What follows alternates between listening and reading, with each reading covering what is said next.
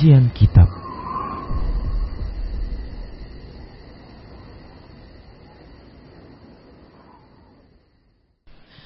Assalamualaikum warahmatullahi wabarakatuh. Innal hamdalillah nahmaduhu wa nasta'inuhu wa nastaghfiruh wa na'udzu billahi min shururi anfusina wa sayyiati a'malina. May yahdihillahu fahuwal muhtadi ومن يضلل فلن تجد له وليا مرشدا. أشهد أن لا إله إلا الله وحده لا شريك له. وأشهد أن محمدا عبده ورسوله الذي لا نبي بعده. وقال الله سبحانه وتعالى يا أيها الذين آمنوا اتقوا الله حق تقاته ولا تموتن إلا وأنتم مسلمون. يا أيها الذين آمنوا اتقوا الله وقولوا قولا سديدا. يصلح لكم أعمالكم ويغفر لكم ذنوبكم. ومن يطع الله ورسوله فقد فاز فوزا عظيما. يا أيها الناس اتقوا ربكم الذي خلقكم من نفس واحدة وخلق منها زوجها وبث منهما رجالا كثيرا ونساء واتقوا الله الذي تساءلون به والأرحام إن الله كان عليكم رقيبا. أما بعد نستقى الحديث كتاب الله وخير الهدي هدي محمد صلى الله عليه وسلم وشر الأمور محدثاتها وكل محدثة بدعة وكل بدعة ضلالة وكل ضلالة في النار. إخوتي وأخوات rahimani Allah wa iyyakum. Qala al-imam al-bukhari rahimahullah.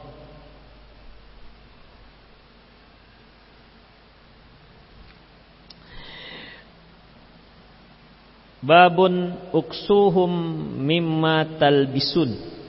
Bab pakaikan mereka pakaian seperti yang kalian pakai. Seperti pakaian yang kalian pakai an Ubadah bin Al-Walid bin Ubadah bin Samit radhiyallahu qala dia berkata kharajtu ana wa abi natlubul ilma fi hadhil hayy min al-ansar qabla ayyahliku aku dan ayahku pergi menuntut ilmu di kampung ini di kampung orang-orang Ansor.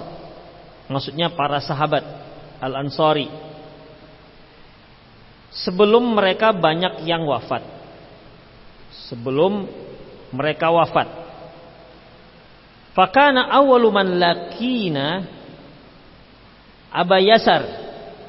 Sahabat yang pertama kami temui yaitu sahabat yang bertemu pertama sekali dengan kami yaitu Abu Yasar. Sahiban Nabi sallallahu alaihi wasallam. Sahabat Nabi sallallahu alaihi wasallam. Wa ma'ahu gulamun lahu. Bersamanya ada seorang hamba sahaya miliknya. Maksudnya hamba sahaya milik Abu Yasar Wa ala Abi Yasar burdatun wa ma'ari wa ma'afiriyun wa ala gulamuhu burdatun wa ma'arifi.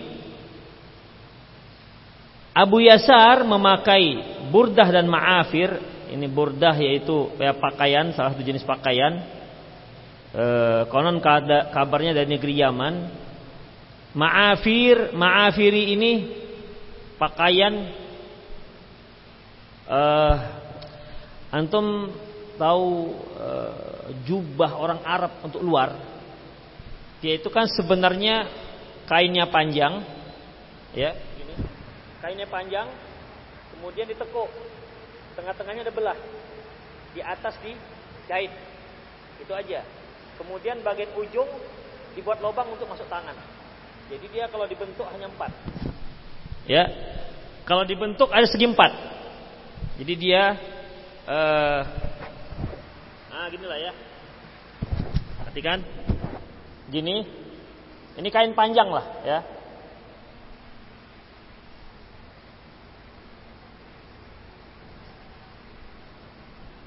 Ditekuk begini.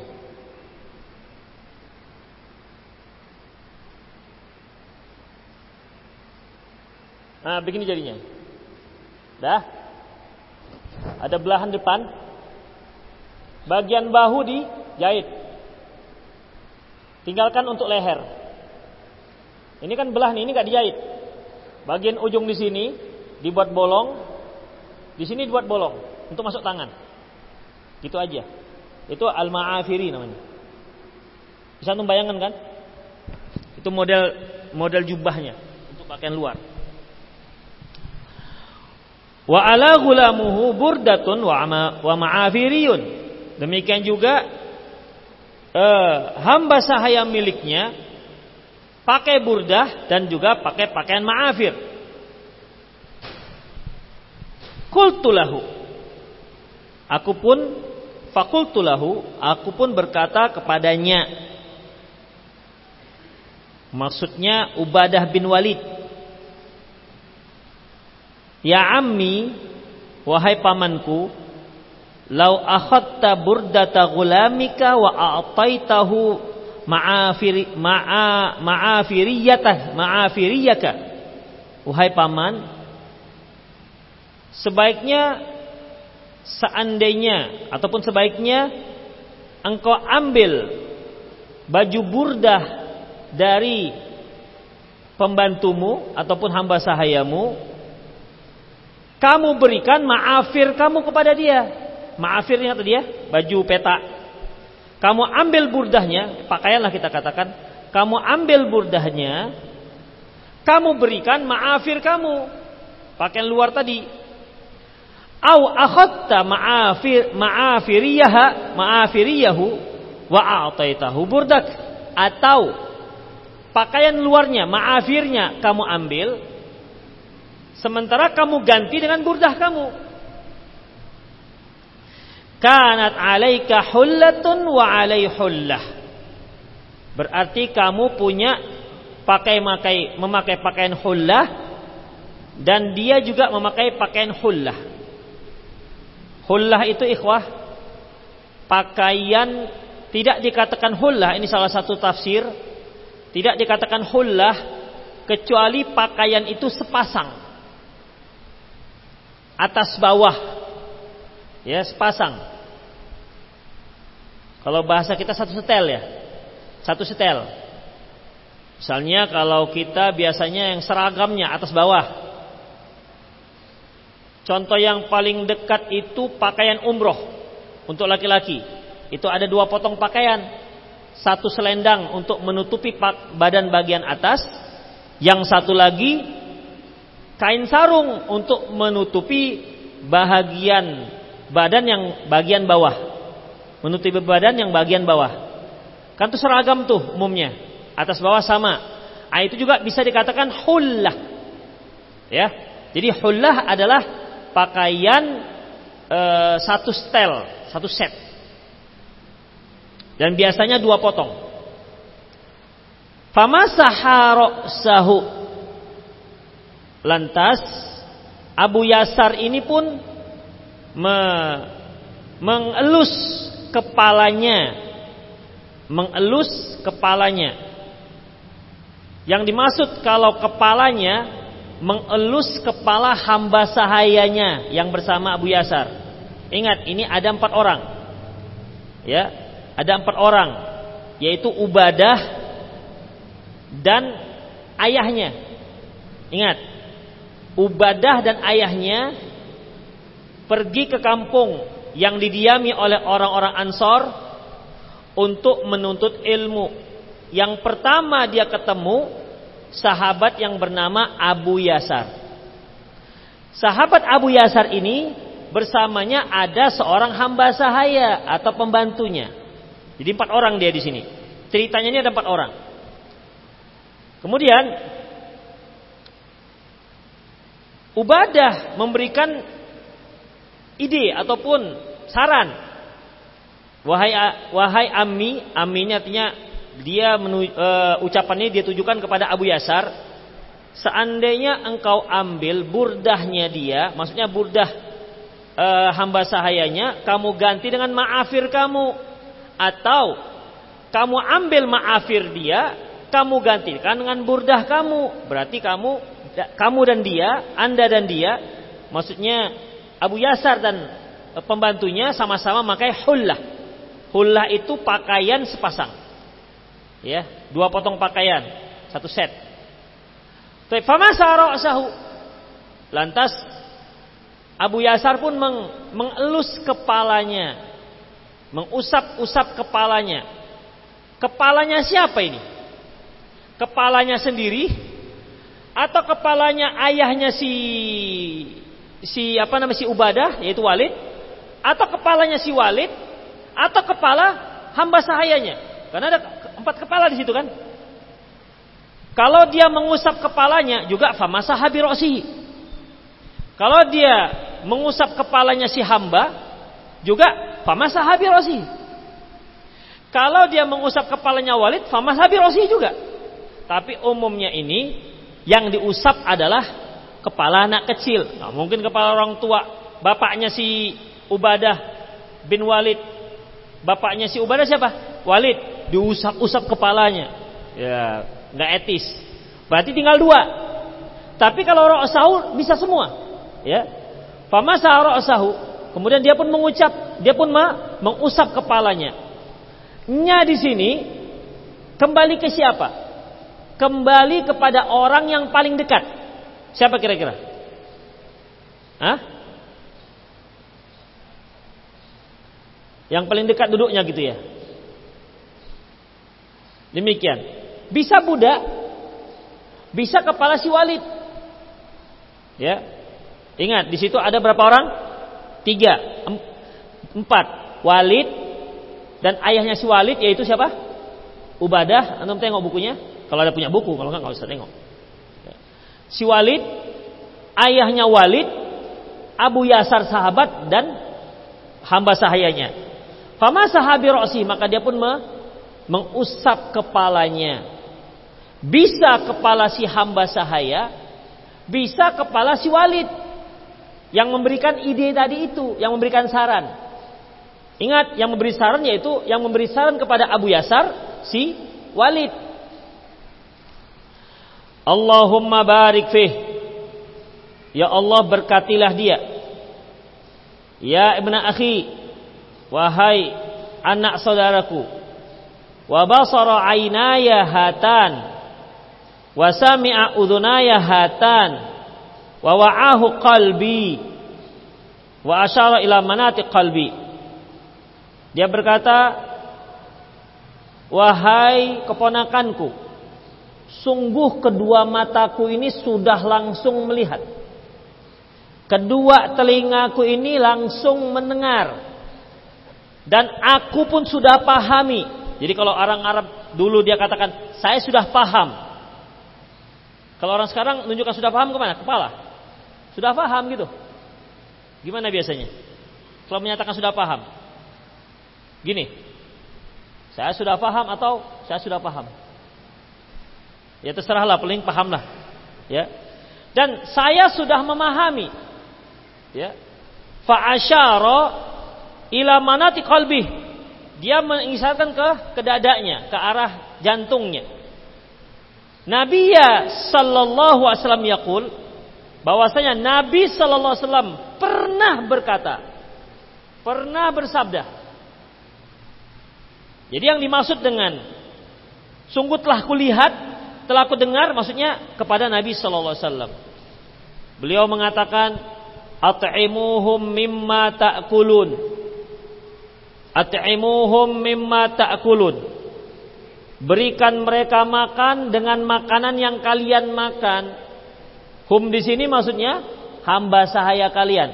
Berikan hamba sahaya kalian makan dengan makanan yang kalian makan. Waksuhum wa albisuhum mimma talbisun. Berikan mereka pakaian seperti pakaian yang kalian pakai. Wa kana an u'tiyahu min mata'id dunya ahwana alayya min ayyakhudha min hasanati yaumal qiyamah. Sungguh aku memberinya harta dunia, maksudnya memberikan kepada uh, hamba sahaya, sungguh aku memberikan dia harta dunia itu lebih ringan ketimbang nanti dia di hari kiamat mengambil kebaikan-kebaikanku. Baik, kita bahas satu persatu, kalimat per kalimat. Di sini Ubadah bin Walid bin Abu bin Ubadah bin Somit berarti yang punya cerita ini yaitu cucunya seorang sahabat Ubadah bin Somit. Pernah dengar kan? Sahabat Ubadah bin Somit. Cucunya Ubadah bin Somit bercerita. Dahulu aku dan ayahku ya, kharajtu ana wa abi natlubul ilma fi hadha hayy min ansar. Dahulu aku dan ayahku pergi berdua untuk menuntut ilmu di kampung Ansor ini.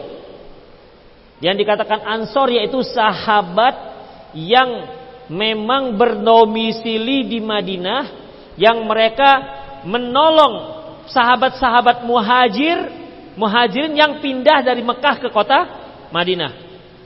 Makanya sahabat-sahabat muhajirin Ansor ini sahabat-sahabat yang da, memang da, e, mendapat rekomendasi langsung dari Allah Subhanahu wa taala. Allah menyebutkan was-sabiqunal awwaluna minal muhajirin wal ansar. Tuh disebutkan. Ya. Walladzina taba'uhum bi ihsan radhiyallahu anhum wa radu'an. Dan orang-orang terdahulu dari kalangan muhajirin dan ansor dan orang-orang yang mengikuti orang muhajirin ansor sungguh Allah ridho kepada mereka mereka juga ridho kepada Allah ini keistimewaan orang-orang muhajirin dan ansor yang langsung mendapat rekomendasi dalam Al-Quran dari Allah Rabbul Alamin dan orang-orang ansor ada punya kampung di situ rata-rata orang ansor berarti sahabat karena selain sahabat nggak ada ansor. Ya. Muhajir dan ansor itu hanya nisbat kepada sahabat. Yang di Madinah dan yang berhijrah. Adapun sahabat yang ada di Yaman, sahabat yang ada di di manalah selain muhajir ansor, selain Madinah dan Mekah yang pergi hijrah, ya, mereka nggak dikatakan orang-orang muhajir anak atau ansor. Atau muhajirin yang pergi dari kampungnya ke ke Madinah misalnya. Baik. Berarti kampung yang dimaksud kampung orang-orang muhajirin. Berarti Walid dan ayahnya ya, Walid dan Ubadah dan ayahnya Al-Walid ya, bareng anak bapak pergi ke kampung orang-orang Ansor. Ngapain? Natlubul ilm. Kami menuntut ilmu. Qabla an yahluku yahlaku sebelum orang-orang Ansor ini meninggal. Berarti dua anak ini, dua ayah anak ini memang orang-orang pintar. Mereka tahu ini orang-orang Ansor, ini bakal bakal wafat. Terus mereka itu banyak memiliki segudang ilmu yang harus kita timba dari mereka. Maka anak dan ayah ini sengaja pergi ke kampung orang-orang Ansor. Yang istimewanya lagi, Hafidin, ayah anak berdua cocok. Yang seringnya itu kan ayahnya ngaji, anaknya enggak. Anaknya ngaji, ayahnya enggak. Seringnya.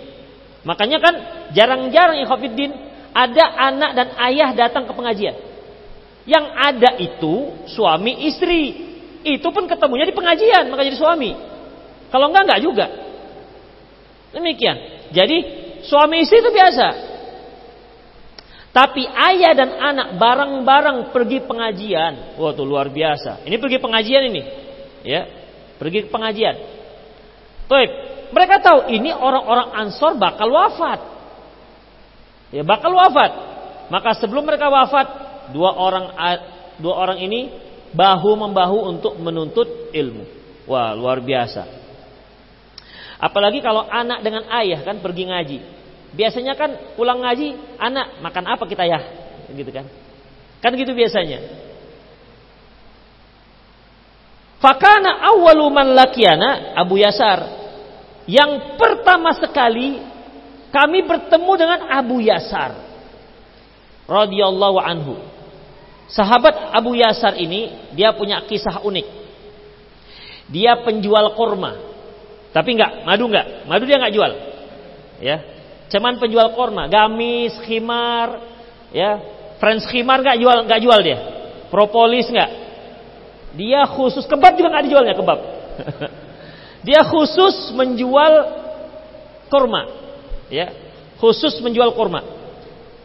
Spesialis korma. Datang seorang perempuan, seorang wanita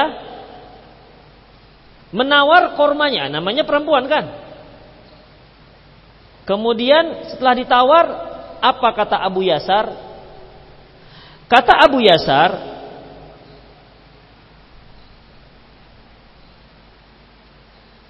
yaitu inna fi baiti tamrun ajwadu minha dia berkata kepada perempuan ini, di rumah saya ada korma yang lebih bagus kualitasnya dibandingkan ini. Di rumah tapi. Kalau saya nggak tahu lah pemanggilnya adik atau ibu nggak tahu lah, ya. Kita anggap adik aja lah ya. Kalau adik mau ada di rumah, gimana? Ternyata si perempuan ini tertarik. Iyalah saya saya mau yang itu aja lah bang. Mau kurma yang lebih baik. Pergilah mereka ke rumah si Abu Yasar. Antum tahu apa yang terjadi setelah itu ketika mereka masuk masuk rumah? Kira-kira apa yang terjadi? Hah? Sebagaimana yang antum bayangkan yang memang agak kotor. ketika wanita ini masuk, ketika wanita ini masuk rumah, rumah Abu Yasar masalahnya. Abu Yasar pun langsung mencium si wanita ini. Bukan mahramnya dia. Itulah bahayanya ikhafiddin. Kalau dua-dua gitu. Ya, ini pelanggan masalahnya. Pelanggan kurma. Begitu masuk, Abu Yasar masuk, langsung diciumnya ini wanita. Tapi itulah yang namanya sahabat. Langsung dia sadar. Itu dia. Kalau kita nggak sadar dulu dia. Sampai selesai. Astagfirullah. Itu sudah selesai. Kalau sahabat tadi begitu dia cium ini wanita, langsung dia tersadar. Ya, tersadar. Dia pun menyesal, nggak tahu lagi apakah kurma itu jadi dibeli atau enggak, nggak ngerti lagi kita. Ceritanya sampai sadar gitu aja. Ya. Apakah masih ada tersa, ter, apa namanya? Apakah tersadarnya itu setelah terjadi transaksi jual beli kemudian berpisahlah mereka atau bagaimana Allah alam yang jelas tersadarlah Abu Yasar. Begitu dia sadar dan taubat, dia datang kepada kepada Abu Bakar minta gimana ini solusinya. Ya. Bagaimana cara bertaubat dengan yang seperti ini? Kata Abu Bakar, "Ittaqillah wastur ala nafsik." Abu Yasar, kamu taubat kepada Allah, bertakwa kepada Allah dan rahasiakan. Dan rahasiakan. Tapi ternyata dia belum puas dengan jawaban Abu Bakar. Habis begitu aja. Tobat merahasiakan. Dia belum puas. Dia datang kepada Umar. Dia ceritakan kisahnya. Kemudian ternyata Umar bin Khattab Ternyata Umar bin Khattab menjawab dengan jawaban yang sama dengan Abu Bakar. Ittaqillah wastur ala nafsik. Bertakwalah kamu kepada Allah dan rahasiakan aib kamu ini. Rahasiakan aib kamu ini. Ternyata dia belum juga puas. Ini nggak bisa. Harus tanya langsung kepada Rasulullah Sallallahu Alaihi Wasallam. Ketika bertemu dengan Rasulullah Sallallahu Alaihi Wasallam, Rasulullah bertanya, seandainya itu terjadi pada keluargamu gimana? Adik perempuanmu beli korma, di sini ada, di gudang ada korma yang bagus tuh. Mbak mau, sampai di gudang dikerjain adiknya. Atau emaknya, atau istrinya. Gimana kalau itu terjadi pada keluargamu? Bertambah menyesal. Ya. Bertambah menyesal Abu Yasar. Kemudian apa katanya? Seandainya aku waktu itu yang kurasa seandainya aku waktu itu baru masuk Islam. Seandainya. Tapi kan dah lama masuk Islamnya. Hingga akhirnya karena penyesalan Abu Yasar ini Khafidin yang luar biasa, akhirnya turun ayat.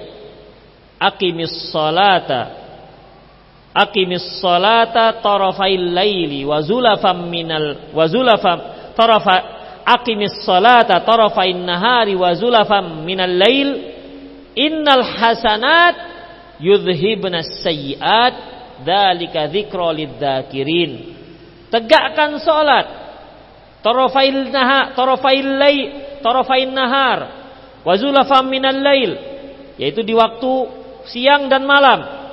Karena sesungguhnya innal hasanat sesungguhnya kebaikan-kebaikan yudhibna sayyiat bisa menghapuskan keburukan-keburukan dzalika dzikra lidzakirin ini merupakan peringatan untuk orang-orang yang mau mengingat itu surat Hud ayat 114 Ayat ini turun ya.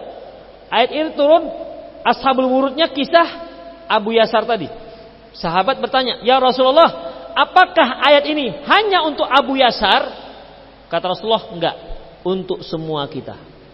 Artinya apa ikhwatiddin? Ketika kita melakukan satu buatan dosa, ya, perbuatan dosa, maka perbanyaklah perbanyaklah berbuat kebaikan-kebaikan. Innal hasanat yudhibnas sayiat. Kebaikan akan menghilangkan ke keburukan. Makanya Rasulullah juga pernah bersabda, "Ittaqillah haitsuma kunta." Bertakwalah kamu di mana pun kamu berada.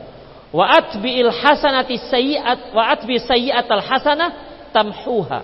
Ikutilah setelah perbuatan ikutilah perbuatan buruk itu dengan perbuatan baik Artinya kalau kalian berbuat buruk, tobat, perbanyak buat kebaikan.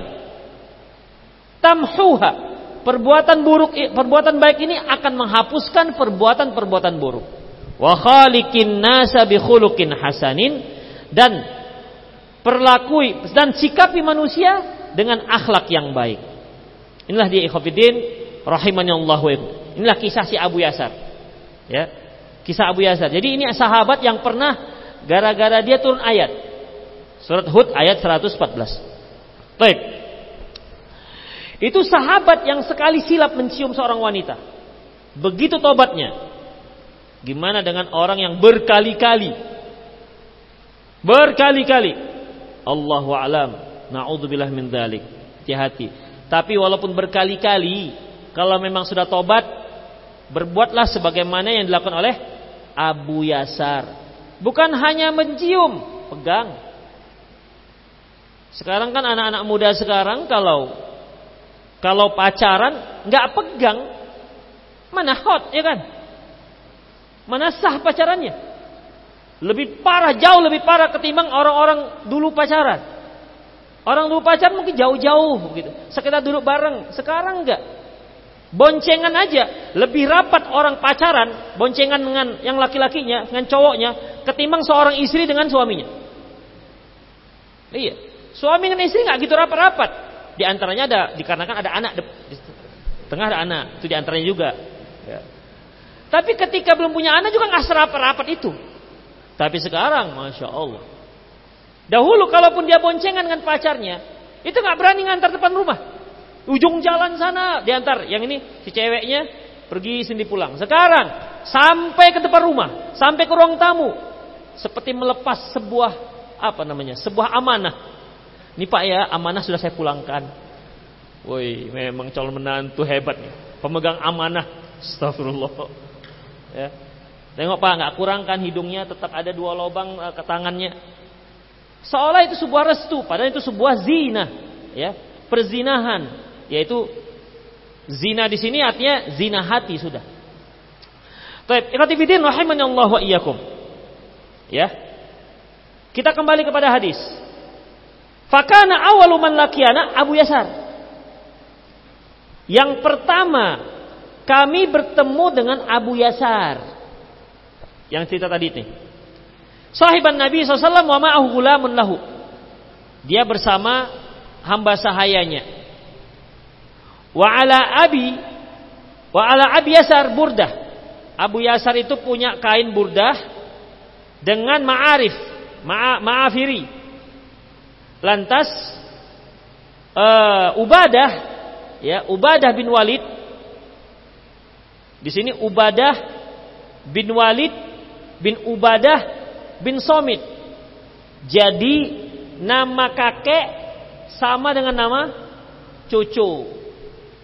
Kalau dahulu biasa ikhafiddin. Bahkan ada yang seorang ulama kita namanya Ali bin Ali bin Ali bin Ali. Itu Ali semua. Dia sangat mengagumi yang namanya Ali. Ada yang Muhammad. Saya punya teman saya orang Nigeria, anaknya sepuluh semua Muhammad. Semua Muhammad laki-laki. Hanya saja Muhammad awal, Muhammad sani, Muhammad salis gitu. Muhammad Robi dan teman saya ini Muhammad Tasik. Muhammad yang kesembilan. Jadi kita manggilnya nggak Muhammad, tapi Tasik yang kesembilan. Emaknya atau bapaknya manggilnya siapa? Tasik, Salis. Nah gitu. Itu ide bagus juga. Kalau antum mencintai nama Abdurrahman, Abdurrahman awal. Hadir. Masya Allah itu kan. Demikian. Jadi khadifidin rahimanallahu wa iyyakum. Ini sahabat. Cucu dengan kakek sama. Kalau kita kan biasanya cari nama anak. Kalau bisa yang belum pernah ada di dunia. Kan gitu banyak. Ya. Kalau bisa yang belum pernah ada. Siapa nama Abdullah? Alah, ada banyak kali Abdullah. Muhammad? Ah, banyak kali Muhammad. Cari nama yang yang aneh lah begitu. Ya. Yang aneh, yang kira-kira uh, kesannya soleh, tapi belum ada. Itu. Kalau bisa gabungan nama-nama Nabi, jadilah Muhammad Isa, Yakub, Ibrahim, Yahya. Bisa begitu. Jadi khafidin rahimahullah itu dia. Itulah kondisi kita. Baik. Kita tidak cerita masalah nama. Kemudian kata Ubadah cucunya Ubadah juga sahabat Rasulullah. Wahai wahai paman, ya ammi. Ini baik loh kalau kamu berikan, kalau Anda berikan burdahmu kepada e, pembantumu dan kamu ambil baju luar dia ma'arifnya, ma'afirnya. Atau ma'afir kamu berikan kepada dia, burdahnya kamu ambil.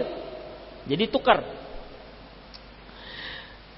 Dengan demikian kamu masing-masing punya hullah. Hullah itu dua pakaian. Lantas fama sahara sahu. Si Ubadah bin Somit radhiyallahu kagum dengan ucapan Ubadah tadi, Ubadah bin Walid. Ini anak cerdas. Ya, memang seharusnya begitu. Supaya apa? Supaya pakaian si majikan sama nilainya dengan pakaian si pembantu ataupun si hamba sahayanya. Karena kagumnya diusaplah kepala kepala siapa namanya si si Walid, uh, si Ubadah. Ubadah bin Walid. Dalam riwayat yang lain, fama saharosi. Jadi ada dua riwayat. Ada fama saharo sahu. Yang kedua fama saha fama saharo sahu.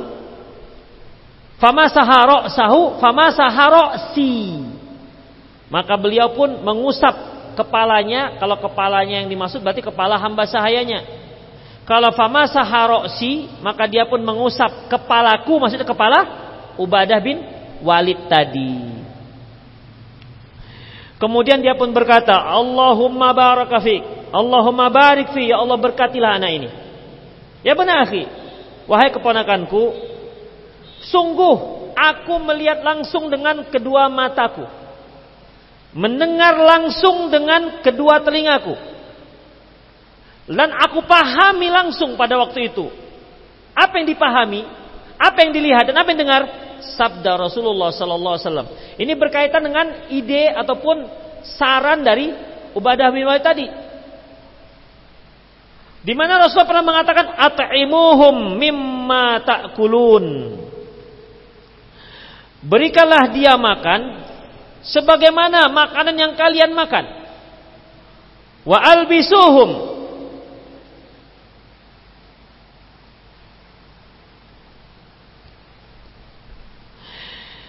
Wa albisuh mimma tulbisun, mimma talbasun dan pakaikanlah mereka dengan pakaian yang kalian pakai. Ini kan perintah. Ya, perintah. Al-amru yaqtadil wujub. Bahwasanya perintah itu menunjukkan sebuah kewajiban.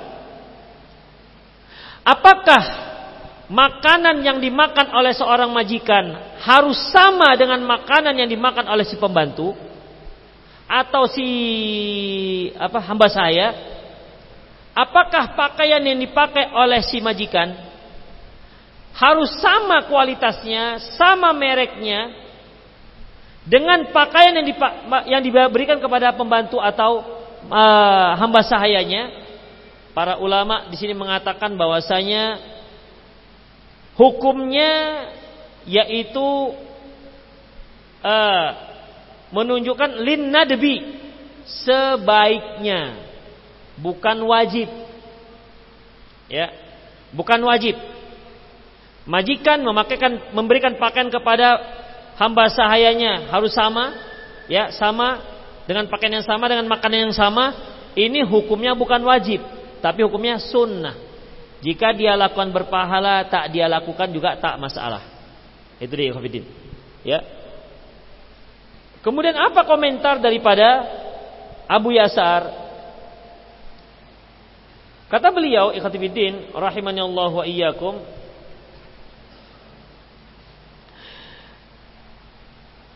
Wa kana an u'tiyahu min mata'id dunya ahwana alayya. Maksudnya, sungguh sekarang aku berikan haknya dia. Aku berikan haknya dia yang sempurna. Jangan ada yang kurang sungguh itu lebih mudah. Ya, lebih mudah.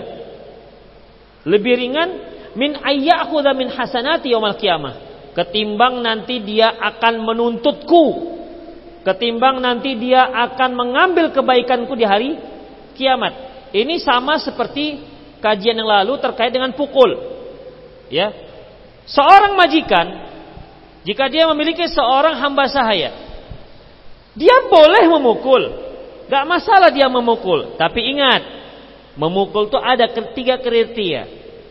Kalau pukulannya lebih ringan ketimbang kesalahan si si hamba sahaya, maka tak berdosa. Kalau pukulan setimpal dengan keburukan ataupun kesalahan si pembantu, maka tidak masalah. Tapi ingat, apabila pukulan lebih berat ketimbang kesalahan yang dilakukan, maka dia nanti akan membalas di hari kiamat, akan minta kisos di hari kiamat dengan cara bagaimana? Dengan cara mengambil kebaikan-kebaikan. Nah, di sini juga seperti itu. Ini terkait dengan pakaian dan memberikan makanan. Abu Yasar seorang yang warok, ya. Ketika Rasulullah katakan, Ketika Rasulullah katakan uh, akiluhum ataupun at'imuhum mimma ta'kulun. Berikan dia makan sebagaimana apa yang kalian makan. Walbisuhum mimma talbasun. Berikan dia pakaian dengan pakaian yang kalian pakai. Ya. Melihat ini zohirnya kan harus sama. Ya. Zohirnya harus sama. Maka Abu Yasar mengambil jalan amannya saja. Lebih baik kupenuhi hak-hak dia ketimbang nanti dia menuntut haknya di hari kiamat. Karena menuntut hak di hari kiamat, dia nggak akan menuntut makanan. Dia tidak akan menuntut pakaian, tapi yang dia kuras adalah kebaikan-kebaikan. Inilah kewaraan Abu Yasar radhiyallahu anhu. Abu Yasar itu namanya Ka'ab bin Umar, Ka'ab bin Amr. Ya, Ka'ab bin Amr al-Ansori. Kemudian di khafidin rahimani Allah wa iyyakum.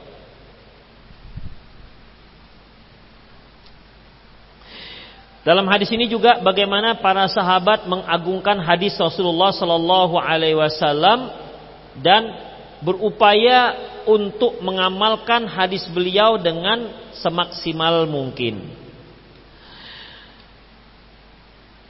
Selanjutnya, An Jabir bin Abdullah qala dia berkata, "Kana Nabi sallam yusi bil mamlukina khaira." Bahwasanya Nabi sallallahu alaihi wasallam mewasiatkan agar bersikap baiklah terhadap para hamba. Wa yaqul at'imuhum mimma ta'kulun.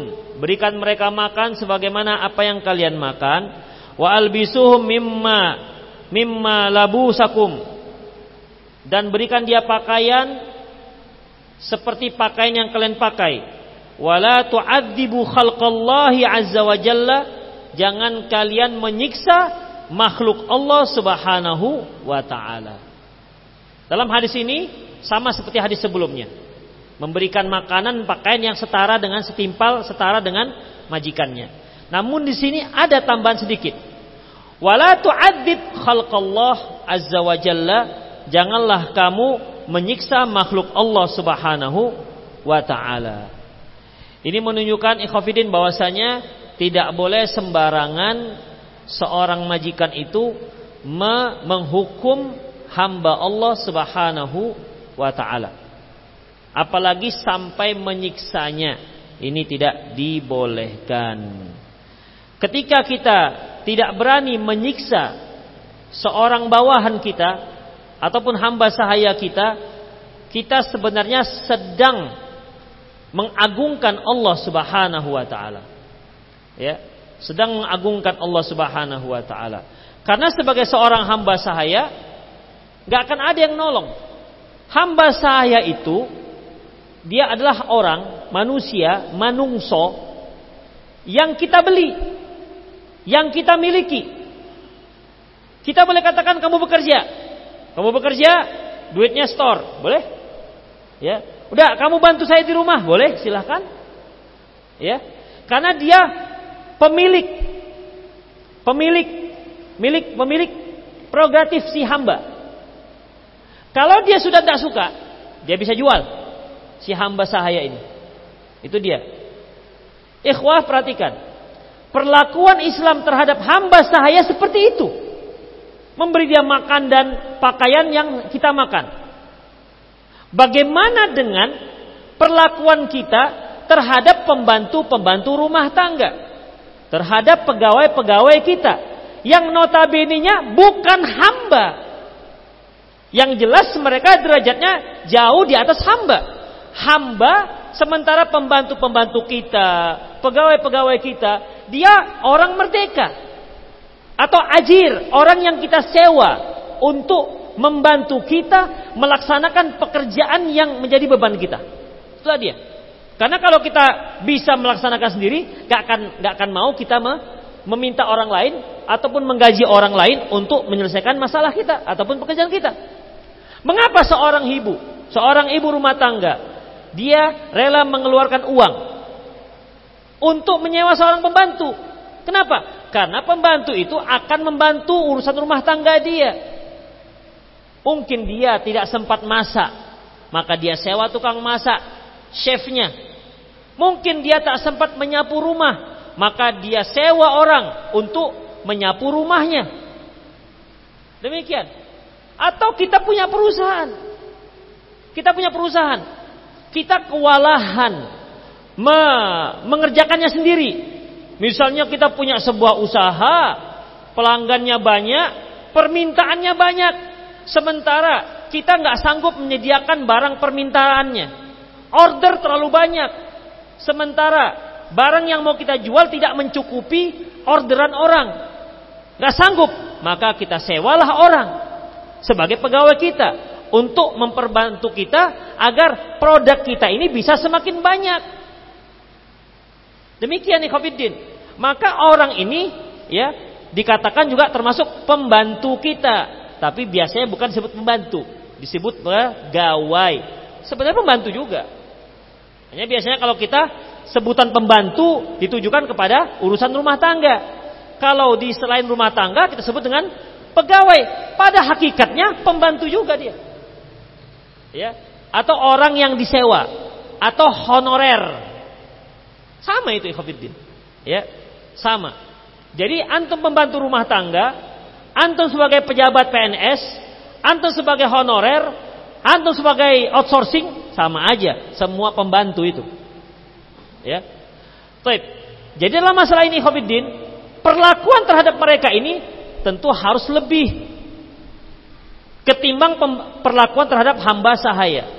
Perlakuan terhadap hamba sahaya Rasul tekankan, yaitu apa kata beliau? Yaitu kan kan Nabi yusi bil mamlukina khairan. Nabi SAW mewasiatkan kepada orang-orang agar bersikap baik terhadap hamba sahaya. Itu dia. Jadi ingat, pembantu itu bukan hamba sahaya. Ya, bukan hamba saya. Terkadang ikhafiddin kita bisa tega dengan pembantu rumah tangga. Kenapa tidak tega? Dia pasrah. Mengapa? Karena dia butuh duit. Dia butuh duit untuk makannya, untuk sekolah anaknya. Ketika kita membebani dia dengan dengan kerjaan yang sebenarnya bukan kerjaan dia, kalau nggak kita pecat, kita bisa cari pembantu yang lain.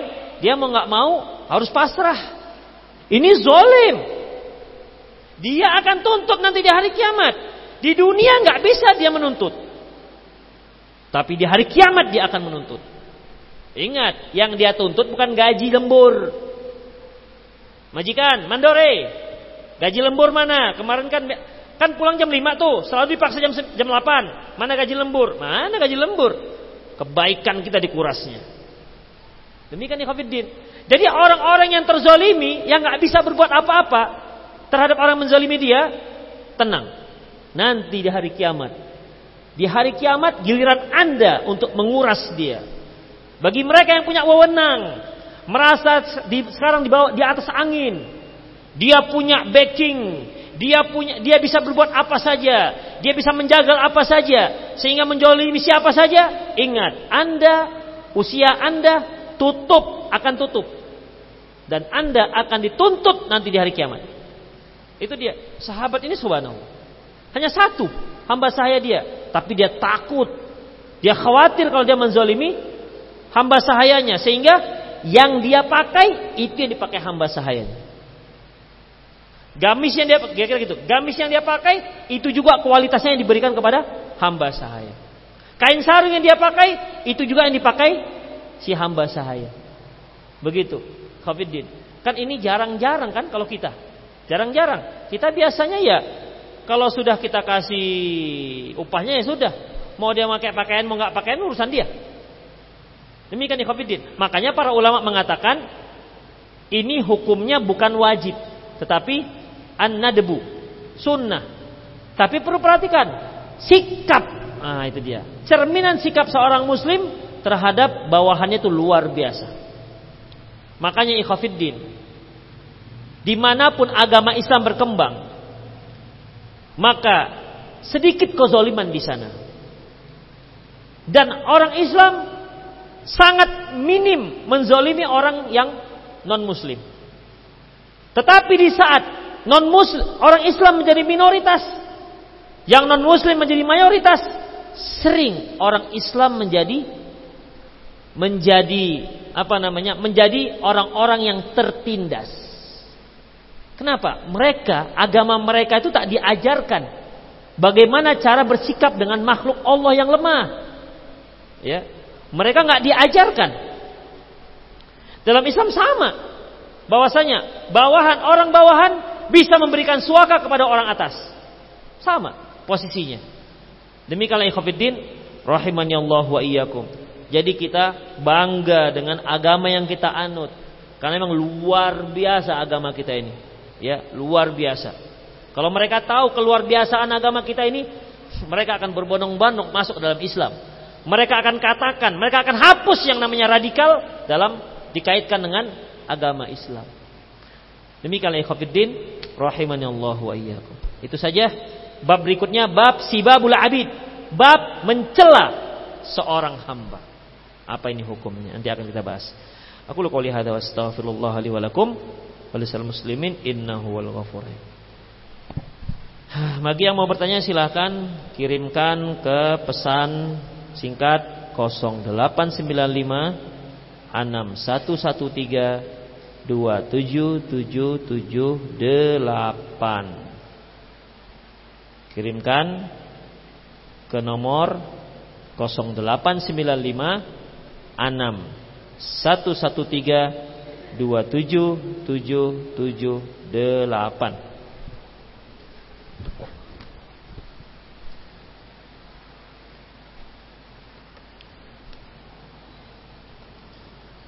Ustadz,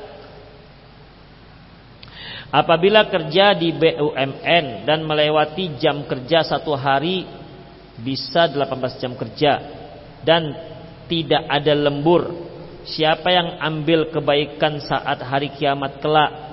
Karena mau tidak mau harus kerja karena pelayanan masyarakat padahal zolim. Ikhwah, eh, ini terkait dengan siapa pemerintahnya. Ya. Terkait dengan siapa pemerintahnya. Kalau direktur utamanya ya, direktur utamanya membuat keputusan seperti itu ya, membuat keputusan seperti itu, misalnya ditambahlah jam kerja untuk menjaga kestabilan perusahaan misalnya Tentunya dia harus bermusyawarah dengan pegawai-pegawainya. Ini gimana ini? Perusahaan kita sedang mau kolap ini. Atau kita berjibaku untuk mempertahankan perusahaan kita.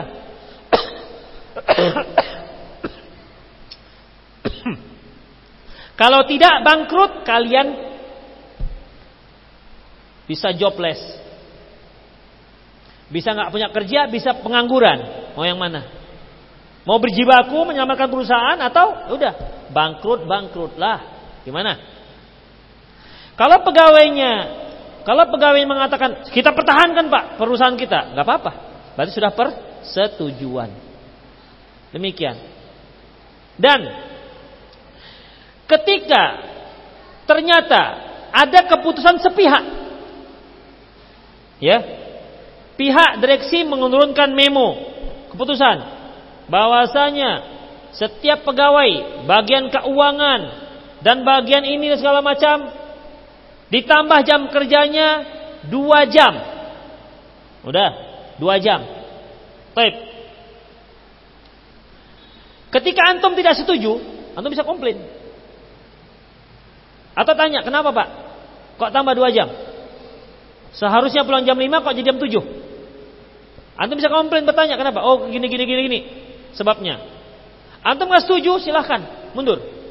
Kalau begitu saya minta mengundurkan dari diri dari pekerjaan. Boleh? Silahkan. Karena tidak ada pemaksaan di sana. Sama seperti antum sebagai pembantu. Tugas antum suruh masak. Hanya masak. Tiba-tiba disuruh betuli genteng. Ini kan jauh. Tadinya kerjaannya daratan, jadi udara. Antum kalau nggak setuju silakan mundur. Pak, kalau gitu saya nggak mau lah. Eh silakan, tak masalah. Demikian Khofiddin. Ya. Jadi sebenarnya di situ ada kebebasan. Tapi Ustadz, kalau kita mundur nggak punya kerja lah. Begitu. Kalau begitu terimalah alasan perusahaan. Tetapi kalau semata-mata direkturnya atau direksinya, pihak direksi atau general manajernya atau CEO-nya benar-benar ingin untuk mendapatkan keuntungan pribadi, dia akan menzolimi, dia akan berarti dia telah menzolimi pegawainya, dituntut rame-rame nanti. Ya, akan dituntut rame-rame nanti di hari akhirat. Makanya antum hati-hati, yang punya direktur, antum punya bawahan tuh hati-hati. Bawahan itu tidak harus rame, Khafidin. Antum jual gamis, punya satu pegawai. Hati itu. Ya, jangan sampai menzalimi dia. Kalau dia terzalimi, dia akan nuntut di hari akhirat.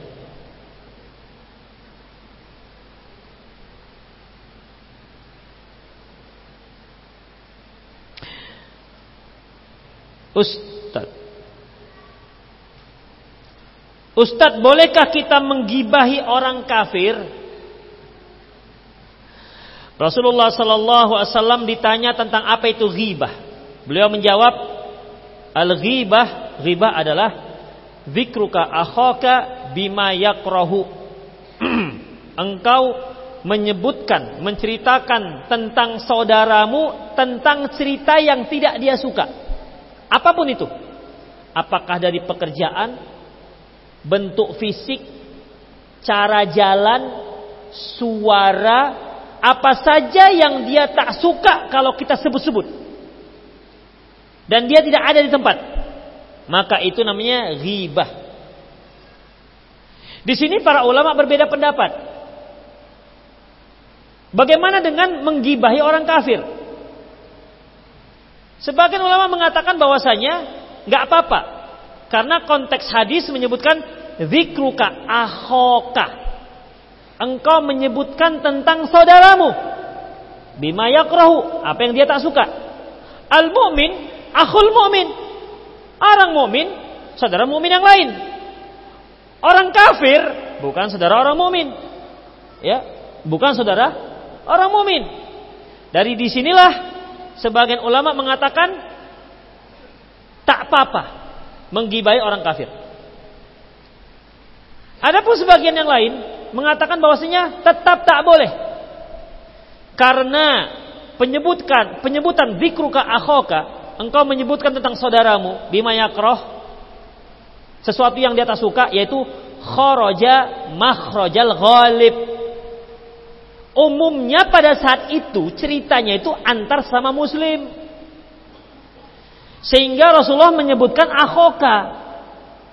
Kalau sudah penyebutan satu dalil terkait dengan pada umumnya kharaja makhrajal ghalib maka tak boleh diambil uh, apa namanya tak boleh mengambil uh, mafhum mukhalafah mafhum kebalikannya kalau disebutkan saudara baru nggak boleh. Kalau bukan saudara kita, baru boleh. Nggak begitu. Nggak boleh sebutkan, nggak boleh diambil mafhum kholafanya. Contohnya seperti la takulu riba al-dha'afa mudha'afah. Janganlah kamu makan riba yang berlipat ganda. Kenapa berlipat ganda? Apakah lipat ganda itu sebagai illatul hukum? Sebab hukum. Sehingga kalau dia berlipat ganda nggak boleh, kalau tak berlipat ganda boleh. Ya, Para ulama menyebutkan berlipat ganda di situ itu bukan sebab hukum. Tapi itu disebutkan kharaja makhrajal ghalib. Karena umumnya pada waktu itu riba dipraktekkan dengan berlipat ganda. Makanya Allah menyebutkan situasi pada saat itu. Bukan sebagai illah hukum. Bukan sebagai illatul hukmi. Min haitsu wujudan wa adaman. Bukan berarti sebagai sebab hukum kalau ada sebab maka ada hukum. Kalau tak ada hukum maka tidak ada. Maka kalau tidak ada sebab maka tidak ada hukum. Demikian. Yang rojih Allah alam bisawab. Saya cenderungnya pada zohir hadis. Ya, cenderung pada zohir hadis. Zikruka akhoka ya saudaramu. Kalau orang kafir, karena umumnya kita membicarakan orang kafir itu yang yang yang menyeleneh aja kan. Kalau yang lain-lain kan urusan kita paling beli, beli beras. Itu jadinya. Urusan kita kan banyak dengan kaum muslimin. Bukan orang-orang kafir. Itu Allahu alam bisawab. Ustadz, di kampus saya ada mata kuliah KKN. Di mana akan pergi mengajar di perkampungan. Bagaimana jika lokasi perkampungan tersebut melewati batas akhwat safar Sedangkan hal itu malah mata kuliah yang wajib tidak diambil, yang wajib jika tak diambil maka tak lulus kuliah. Caranya anti minta antar bapak anti atau abang anti atau mahram minta antar ke lokasi tersebut sehingga orang tua anti ataupun mahram anti pastikan tempatnya aman bersama teman-teman anti. Sudah dia merasa aman, anti tinggal di situ. Ngajar di pangkampungan itu. Nanti ketika sudah selesai, kabari orang tua, "Mam, Pa, besok saya pulang, jemput, jemput." Itu caranya. Ya. Jadi jangan ngelenggang kangkung sendiri aja ke kampung itu. Itu kalau memang ternyata apa namanya e, harus KKN. Kalau kedokteran biasanya intensifnya. Intensif jarang dapat yang di Medan. Nanti dia bisa dapat di NTT, di Lombok, bisa dapat dia di Jawa Barat misalnya, bisa dia dapat di Riau. Sementara dia domisili di Medan. Itu gimana jadinya? Intensif setahun. Anda tahu intensif kan? Itu kedokteran, dia koas. Setelah koas dia ujian. Kemudian dapatlah dokternya. Dia nggak bisa praktek, nggak dapat surat izin praktek sip. Kecuali setelah intensif satu tahun. Jadi gaji intensif itu. Tahun kemarin 3 juta 200 atau 3 juta 100 per bulan. Entah potong pajak atau nggak tahu. Itulah dia. Setelah dapat intensif setahun, itu yang menempatkan pemerintah. Udah, barulah turun surat izin prakteknya. Kalau nggak dia nggak boleh praktek. Walaupun banyak juga mahasiswa belum selesai intensif sudah praktek, nggak boleh. Karena belum belum ada surat izin prakteknya, nggak boleh. Ya, kalau dia ketahuan oleh pemerintah bisa dihukum, dituduh sebagai malpraktek. Itu Ikhwafidin. Setahun di negeri orang, yang safar itu bagaimana? Caranya minta antar dengan lo punya babe. Udah, antar ke sana, selesai, nanti pulang, nah, bawa. Atau ada cara yang lain, nikah dulu kalau akhwat. Jadi dia intensifnya sama suami, kan asyik itu kan? Bekerja bersama suami. Jadi setahun itu rasanya bisa cepat berlalu. Bahkan kok cepat kali ya bang ya setahun? Iya. Tapi kalau jomblo ya belum buat lah. Bagaimana cara menghapus dosa kezaliman terhadap manusia Ustadz? Minta maaf. Datangi dia, minta maaf. Kalau ada harta yang kita ambil, pulangkan, kemudian minta maaf. Jangan minta maaf, harta tak dipulang-pulangkan. Itulah caranya. Kalau dia katakan, mungkin pernah kita pukul, saya nggak mau maafkan, sampai saya balas bapak, silahkan. Pernah kan Rasulullah SAW pernah mengumumkan kepada sahabat yang pernah aku zolimi silahkan balas. Itu dia, balas pak silahkan. Tapi kan dulu bapak pernah nikam saya, mak. Kalau gitu mohon-mohonlah. Jangan sampai dibalik ditikam juga. Itu khafidin ya. Ya ganti duit ganti duit lah begitu. Upayakan karena kalau sudah di akhirat lebih susah urusannya. Urusannya kenapa? Dia akan menguras kebaikan-kebaikan kita. Sangkin lamanya kita lupa kapan? Betul. Kemarin kan telah kita bahas ikhafidin kezaliman itu. Ya, uh, ahsahullahu wa nasuh. Allah menghitung kezalimannya wa nasuh sementara dia sudah lupa. Jangankan yang menzolimi, yang dizolimi pun sudah lupa. Yang menzolimi, yang terzolimi sudah lupa. Ahsahullah, tapi Allah tetap menghitungnya, tetap mencatatnya. Wa nasuh, tapi mereka sudah lupa. Jadi, wa maka rabbuka nasiya, Allah nggak akan pernah lupa. Ustadz saya bukan nasab dari ayah saya. Apakah ana tidak wajib berbakti kepada ayah saya? Hah? Gimana caranya? Jadi itu ayah antum ayah ecek-ecek gimana? Ayah tiri. Oh. Ikhwafiddin memang berbakti kepada orang tua yang istimewa yang disebut-sebut Allah bahwa insana biwalidayhi ihsana. Allah berwasiat untuk berbuat baik kepada orang tua, kedua orang tua itu adalah orang tua kandung. Ingat tuh. Yang kita mendahului dia dibandingkan yang lain. Ibu, demikian juga ibu. In ummahatuhum illallai waladnahum. Ibu mereka adalah yang melahirkan mereka bukan ibu tiri. Makanya dalam bahasa Arab, ibu tiri itu nggak dikatakan ibu, tapi zaujatul ab, istri ayah atau imraatul ab, perempuannya ayah atau ceweknya ayah. Itu dia, bukan ibu. Lantas apakah kita nggak berbakti kepada dia? Iya, kita tidak berbakti kepada dia seperti berbaktinya kita kepada kedua orang tua kandung. Lantas kita kita abaikan saja Ustadz. Oh bukan itu juga maknanya. Dia punya hak terhadap kita tapi haknya hak kerabat. Seperti abang, seperti kakak, seperti adik, begitu. Tidak sama seperti orang tua kandung. Antum sebagai suami punya orang tua, punya mertua. Yang paling berhak terhadap diri antum sebagai seorang laki-laki, suami, orang tua kandung, bukan mertua. Dan istri tidak berhak mengatakan, "Bang, apa yang abang kasihkan kepada orang tua abang harus abang kasihkan juga kepada orang tua saya. No, bilang. Mertua bukan urusan saya. Mertua bukan urusan kita para suami.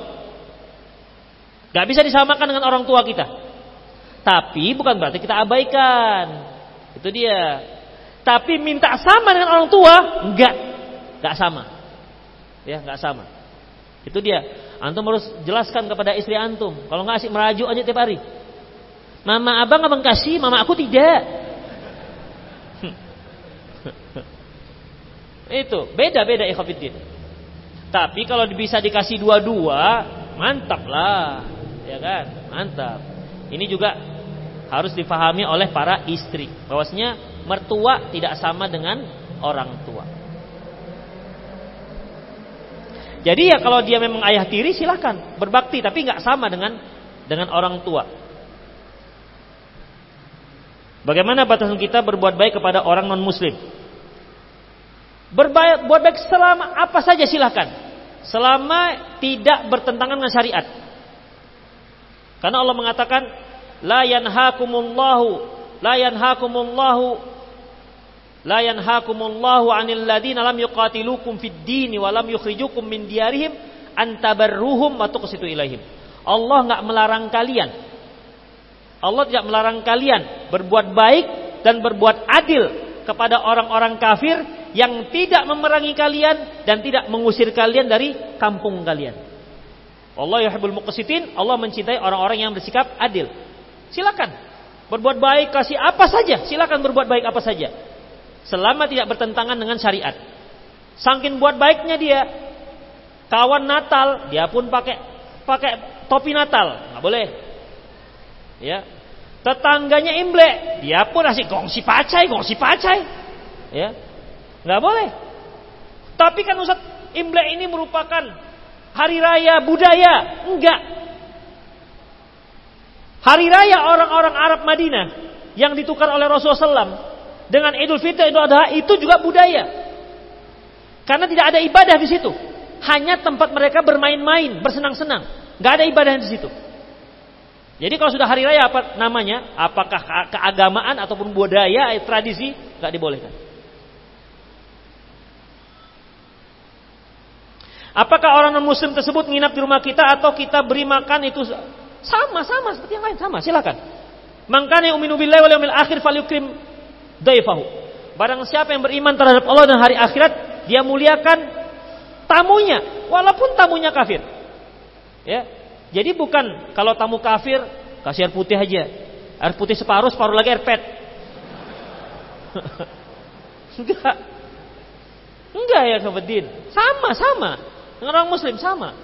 Ya, tetap kalau dia sudah sebagai orang yang uh, ta, yang kita terima sebagai tamu, kita wajib memuliakan dia. Sama seperti orang muslim. Sama.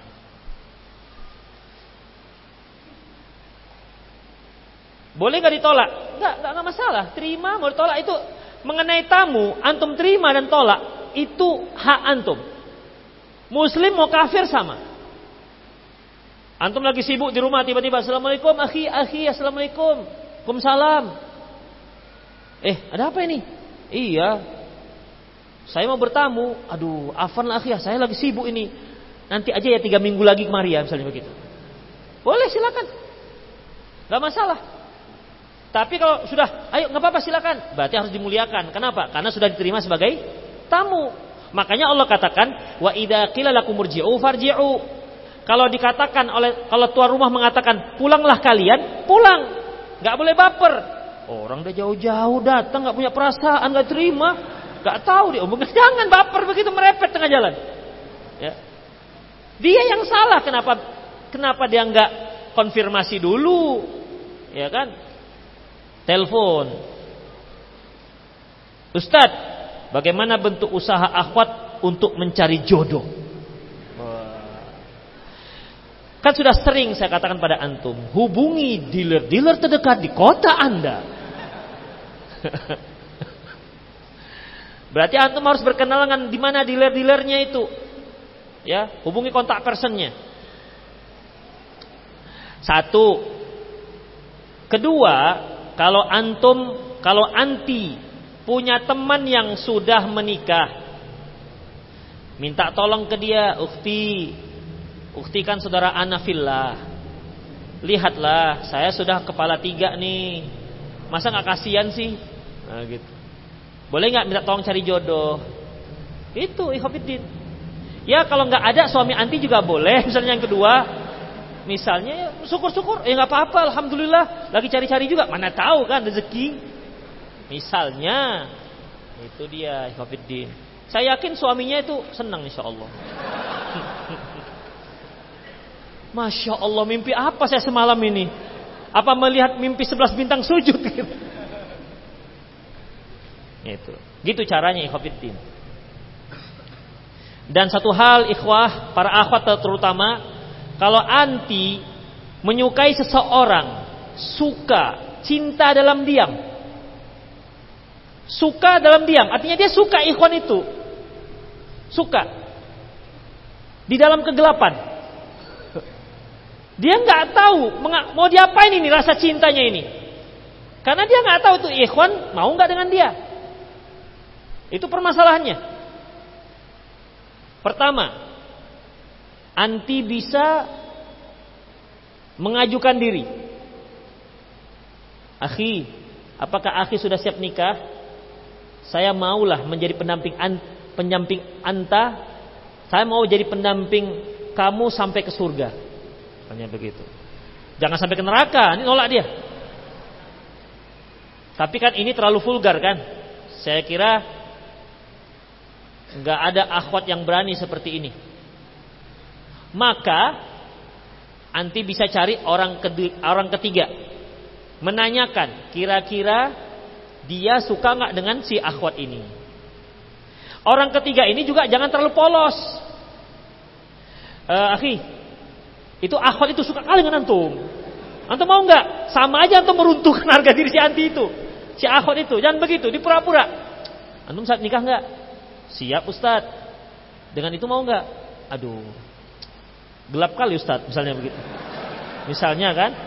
Ya sudah. Berarti nggak jadi. Katakan kepada si ukhti itu dengan bahasa yang baik. Tadi bukan jangan jangan antum beritakan dengan bahasa polos tadi itu gelap tadi itu. Ya. Nanti dia benci dengan ikhwan sekota Medan. Uh, sepertinya ukti dia belum siap nikah. Begitu. Bisa juga antum untuk menghibur dia, tapi saya siap. Itu juga bisa. ya moga-moga kan.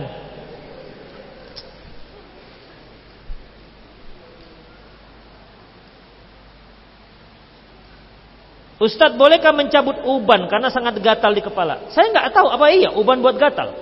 Saya punya uban tapi nggak begatal. Nanti alasan antum aja gatal. Itu kutu tuh mungkin tuh, bukan uban. Antum harus bedakan mana gatal karena kutu dengan uban. Saya nggak tahu. Memang dari orang tua saya dulu juga begitu, uban ini gatal. Tapi saya banyak uban, nggak ada terasa gatal di jenggot, di kumis, di ini nggak ada terasa gatal. Antum punya uban? Mana punya? Punya uban? Nggak ada punya uban orang ini. Awak sendiri punya uban. Antum punya uban antum. Ngaku. Nah, gatal nggak? Nggak. Terpaksa iya. Terpaksa iya. Enggak ikhwafiddin. Mungkin mungkin sampunya belum belum cocok. Sabunnya sampunya belum cocok. Sebaiknya dibotak aja. Botak. Kalau botak kan nggak bisa cabut. Hilang gatalnya insya Allah. Ustadz, kalau kita sudah memaafkan orang yang menzalimi kita, apakah kita di akhirat tetap mengambil hak kita? Enggak. Kalau sudah dimaafkan, kita enggak akan mengambil hak kita lagi. Bahkan kita berharap kita memaafkan, kita dimaafkan juga kesalahan kita oleh Allah Subhanahu wa taala. Terakhir, oh, terakhir ya. Apakah di alam barzah kezaliman yang kita lakukan kepada orang lain akan mendapat balasan yang belum sempat meminta maaf namun sudah bertaubat? Kezaliman itu ikhwatiddin, kalau kita zalim terhadap orang, itu harus minta maaf. Ya. Gak bisa hanya minta ampun kepada Allah kalau kezaliman terhadap orang. Harus minta maaf. Jadi alam barzah tidak bisa menyelesaikannya. Akhirat nanti menyelesaikannya. Ya. Alam barzah gak bisa menyelesaikannya. Yang bisa menyelesaikannya nanti di hari akhirat. Persidangan Allah Subhanahu wa taala. Demikianlah ikhwatiddin, semoga Allah Subhanahu wa taala memberkahi kita semua, memberi kita inayahnya dan semoga kita tetap istiqomah di atas jalannya Allah Subhanahu wa taala. Qul qouli hadza wastaghfirullah li wa lakum wal muslimin innahu ghafurur rahim. Subhanakallahumma wa bihamdik asyhadu an la ilaha illa anta astaghfiruka wa atubu ilaik. Wa aku da'wan alhamdulillah rabbil alamin. Assalamualaikum warahmatullahi wabarakatuh.